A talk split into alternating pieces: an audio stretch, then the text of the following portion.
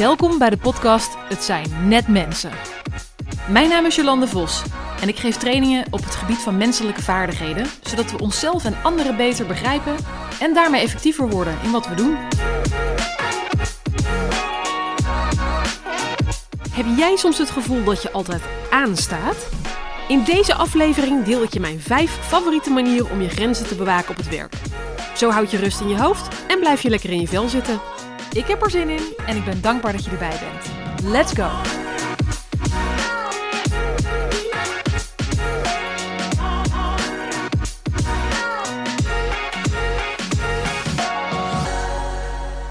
Heb jij ooit het gevoel gehad dat je werk tot aan het plafond opgestapeld lijkt? Of vraag je leidinggevende om de haverklap of je nog even een spoedje wil doen? Of zeg jij ja tegen elk nieuw project dat voorbij komt? Misschien heb je wel zo'n collega die de oren van je kop afkletst, waardoor je eigenlijk niks meer gedaan krijgt op je werk. Nou, dan kan het zijn dat je werk soms overweldigend voelt en je je gevoel van grip verliest. Onderzoek toont namelijk aan dat werkstress in de afgelopen decennia ook steeds meer toeneemt. En een hele belangrijke reden daarvoor is natuurlijk dat al die technologie ons in staat stelt om 24/7 te kunnen werken. Want je hoeft er niet meer voor op kantoor te blijven. Het is dus heel normaal geworden om ook na 5 uur bereikbaar te zijn. En mede daardoor vervagen de grenzen van ons werk en privéleven steeds meer en meer. Je merkt het al, we hebben het vandaag over poreuze grenzen op het werk en wat je kunt doen om niet gillend gek te worden.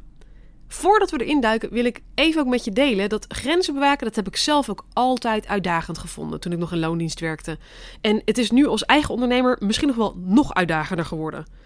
Toen we vorig jaar na kerst naar Sri Lanka gingen op vakantie, heb ik dus een boek gekocht over grenzen bewaken. En dat boek heet Boundary Boss van Terry Cole. Ik heb dat boek dus echt verslonden van kaft tot kaft. Dus het is een aanrader als je nog iets zoekt voor op je verlanglijstje. Um, wat ik me mede door dat boek heb gerealiseerd, is dat we ergens hebben aangeleerd hoe we om moeten gaan met grenzen. En vaak leer je in het uh, gezin waarin je bent opgegroeid hoe je met grenzen omgaat. Nou, misschien waren je ouders juist heel goed in het bewaken van hun grenzen, of misschien juist niet. Of misschien was het wel heel normaal voor je ouders om over jouw grenzen heen te gaan.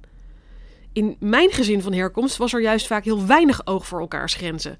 Of dat nu mijn, uh, ging over mijn privacy als kind, of hoe we met elkaar omgingen als er ruzie was. Dus terugkijkend kan ik nu dus zien dat ik als kind heb geleerd dat het oké is om over mijn grenzen heen te gaan. En dat ik eigenlijk niet eens wist dat ik grenzen mocht stellen. Dat ik een voorkeur mocht hebben en dat ik die dus mocht communiceren. Dat was een hele eye-opener voor mij. Nou, laat ik zeggen dat het nog steeds een work in progress is. Maar ik vind dat mijn grenzen al een stuk steviger staan dan een aantal jaar geleden. En misschien dat ik het daarom ook wel zo'n belangrijk onderwerp vind en dacht, daar ga ik een podcast aan wijden. Grenzen stellen, dat vraagt zelfkennis en moed. Het vraagt dat we in de eerste plaats onszelf respecteren. Genoeg respecteren om ook respect te vragen aan anderen voor onze grenzen. Nou hoor ik je denken, Jolande, dat is heel makkelijk gezegd, maar hoe doe ik dat dan?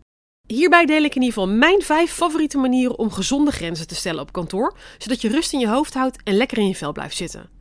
De allereerste is doe een grenzencheck. Dus beter op je grenzen letten begint natuurlijk eerst met duidelijkheid krijgen over waar je grenzen moet stellen. Nou, dat kun je doen dus met een grenzencheck. Nou, ik zou zeggen, pak een pen en papier en schrijf op wat waren situaties waarin je merkte dat je je boos, overweldigd, verontwaardigd of misschien wel schuldig voelde. Dat zijn namelijk allemaal tekenen dat je je grens moet bewaken of duidelijker moet gaan communiceren. Maar serieus, maak maar eens een inventarisatie van al die momenten. Dan weet je meteen waar jouw grenzen mogelijk poreus zijn. Mijn tweede manier om gezonde grenzen te stellen op het werk is: ben duidelijk in je communicatie. Zodra je je grenzen hebt bepaald, is het belangrijk dat je die duidelijk en zelfverzekerd communiceert. Als je bijvoorbeeld niet wil dat je leidinggevende of andere collega's op elk moment van de dag contact met je opnemen, vertel ze dan precies wanneer je beschikbaar bent voor werkgesprekken. Als je tijdens je vakantie niet gebeld of ge-mailed wil worden, tenzij het een noodgeval is, zorg er dan bijvoorbeeld voor dat je duidelijk omschrijft wat een noodgeval is. En als je grens wordt overschreden, dan is mijn advies om daar meteen iets mee te doen. Het is beter om je grenzen in het moment te versterken dan om te wachten. Overigens, als het gaat over uh, bereikbaarheid. Het is in Nederland nog niet bij wet vastgelegd dat je recht hebt om onbereikbaar te zijn. Maar wist je dat in Europa er al wel een paar landen zijn en bedrijven zijn waarbij het recht om onbereikbaar te zijn bestaat? Zo introduceerden bijvoorbeeld de Duitse bedrijven Volkswagen en BMW dat recht al jaren geleden. Dus uh, werk je voor hun, dan hoef je buiten werktijd dus niet te reageren op e-mails van je baas of je collega's. Lijkt me hemels en bovendien fucking gezond. Bij Volkswagen wordt er sinds 2011 de e-mailserver buiten werktijd zelfs standby gezet. En volgens mij hebben we die optie tegenwoordig ook voor onze e-mails. Dus werknemers ontvangen daardoor gewoon geen e-mails buiten werktijd. Nou, in Nederland is bij wet nog niks vastgelegd. En daarom des te belangrijker om zelf duidelijk je grenzen te communiceren. Door gewoon letterlijk te zeggen wat je wel en niet wil. Desnoods zet je het in je out of office. Nog een manier om gezonde grenzen te creëren op het werk is een van de simpelste dingen die je kunt doen, namelijk je leidinggevende vragen om even samen te kijken naar je prioriteiten. Wat ik merk bij veel young professionals is dat ze vaak denken dat ze zwak overkomen als ze hierin om hulp vragen. En daar wil ik even twee dingen over zeggen. Allereerst, ik blijf een communicatietrainer, dus het gaat ook over je tone of voice. Dus als je zegt: hey, kunnen we even samen sparren over mijn prioriteiten? Ik wil even zeker weten dat ik de juiste dingen voorrang geef klinkt natuurlijk weer heel anders dan wanneer je zegt: um, Zou je alsjeblieft misschien um, me even kunnen helpen? Ik, uh, ik, wil heel even weten ja, wat ik eigenlijk als eerste moet gaan doen. Dus tone of voice is wel even een ding. Het tweede wat ik erover wil zeggen is dat leidinggevenden over het algemeen blij worden van het feit dat ze erin worden geconsulteerd. Zij hebben uiteindelijk ook als doel dat jij goed in je vel zit en optimaal kunt functioneren. Overigens is het helemaal niet raar als jij en je leidinggevende anders denken over je prioriteiten. En het is dus, dus uiteindelijk belangrijk dat jij gaat beargumenteren waarom jij er misschien anders over denkt. Leidinggevenden hebben ook niet alle informatie. Onderhandel dus samen over wat jullie denken dat jouw prioriteiten zijn en wat je dus mogelijk voor nu even moet laten. Een van mijn favoriete manieren om mijn grenzen te bewaken is nummer 4. Dat is namelijk de kunst van het pauzeren. Ken je dat? Dat je leidinggevende of collega naar je toe komt en vraagt: Hey, kun je die taak even oppakken? Nou, een truc die je kan tegenhouden om steeds ja te zeggen tegen allerlei nieuwe taken, is de kunst van het pauzeren.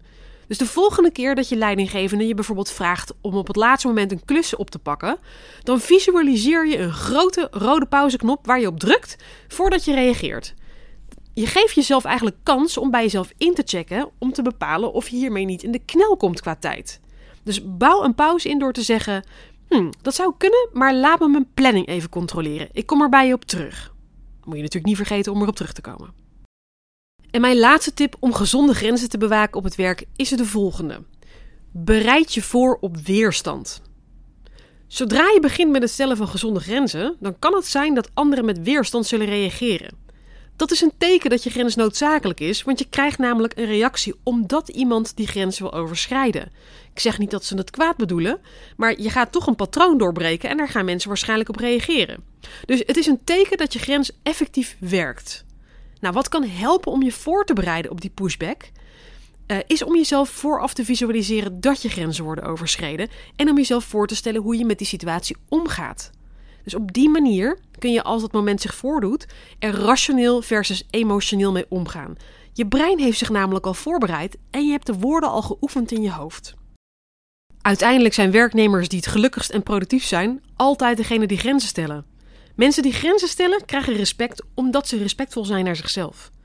En bestselling-auteur en onderzoekster Brene Brown, waar ik trouwens fan van ben, verwoordt het heel mooi. Zij zegt: Grenzen durven stellen gaat over de moed hebben om van onszelf te houden, zelfs als we het risico lopen anderen teleur te stellen. We kunnen onze eigen waardigheid niet baseren op de goedkeuring van anderen. Alleen als we diep van binnen geloven dat we genoeg zijn, kunnen we zeggen genoeg. Voordat onze tijd er samen vandaag weer op zit, wil ik je vragen om even diep adem te halen en met je aandacht bij jezelf naar binnen te gaan. Welke grens zou jij nog kunnen versterken? En welke actie zou je daarin kunnen ondernemen?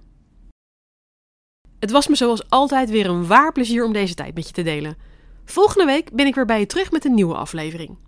Tot die tijd zou ik zeggen: zorg goed voor jezelf en voor elkaar. Oh hey, voordat je gaat, vond je deze podcast nou interessant? Klik dan op het belletje in Spotify en mis niks van de volgende afleveringen.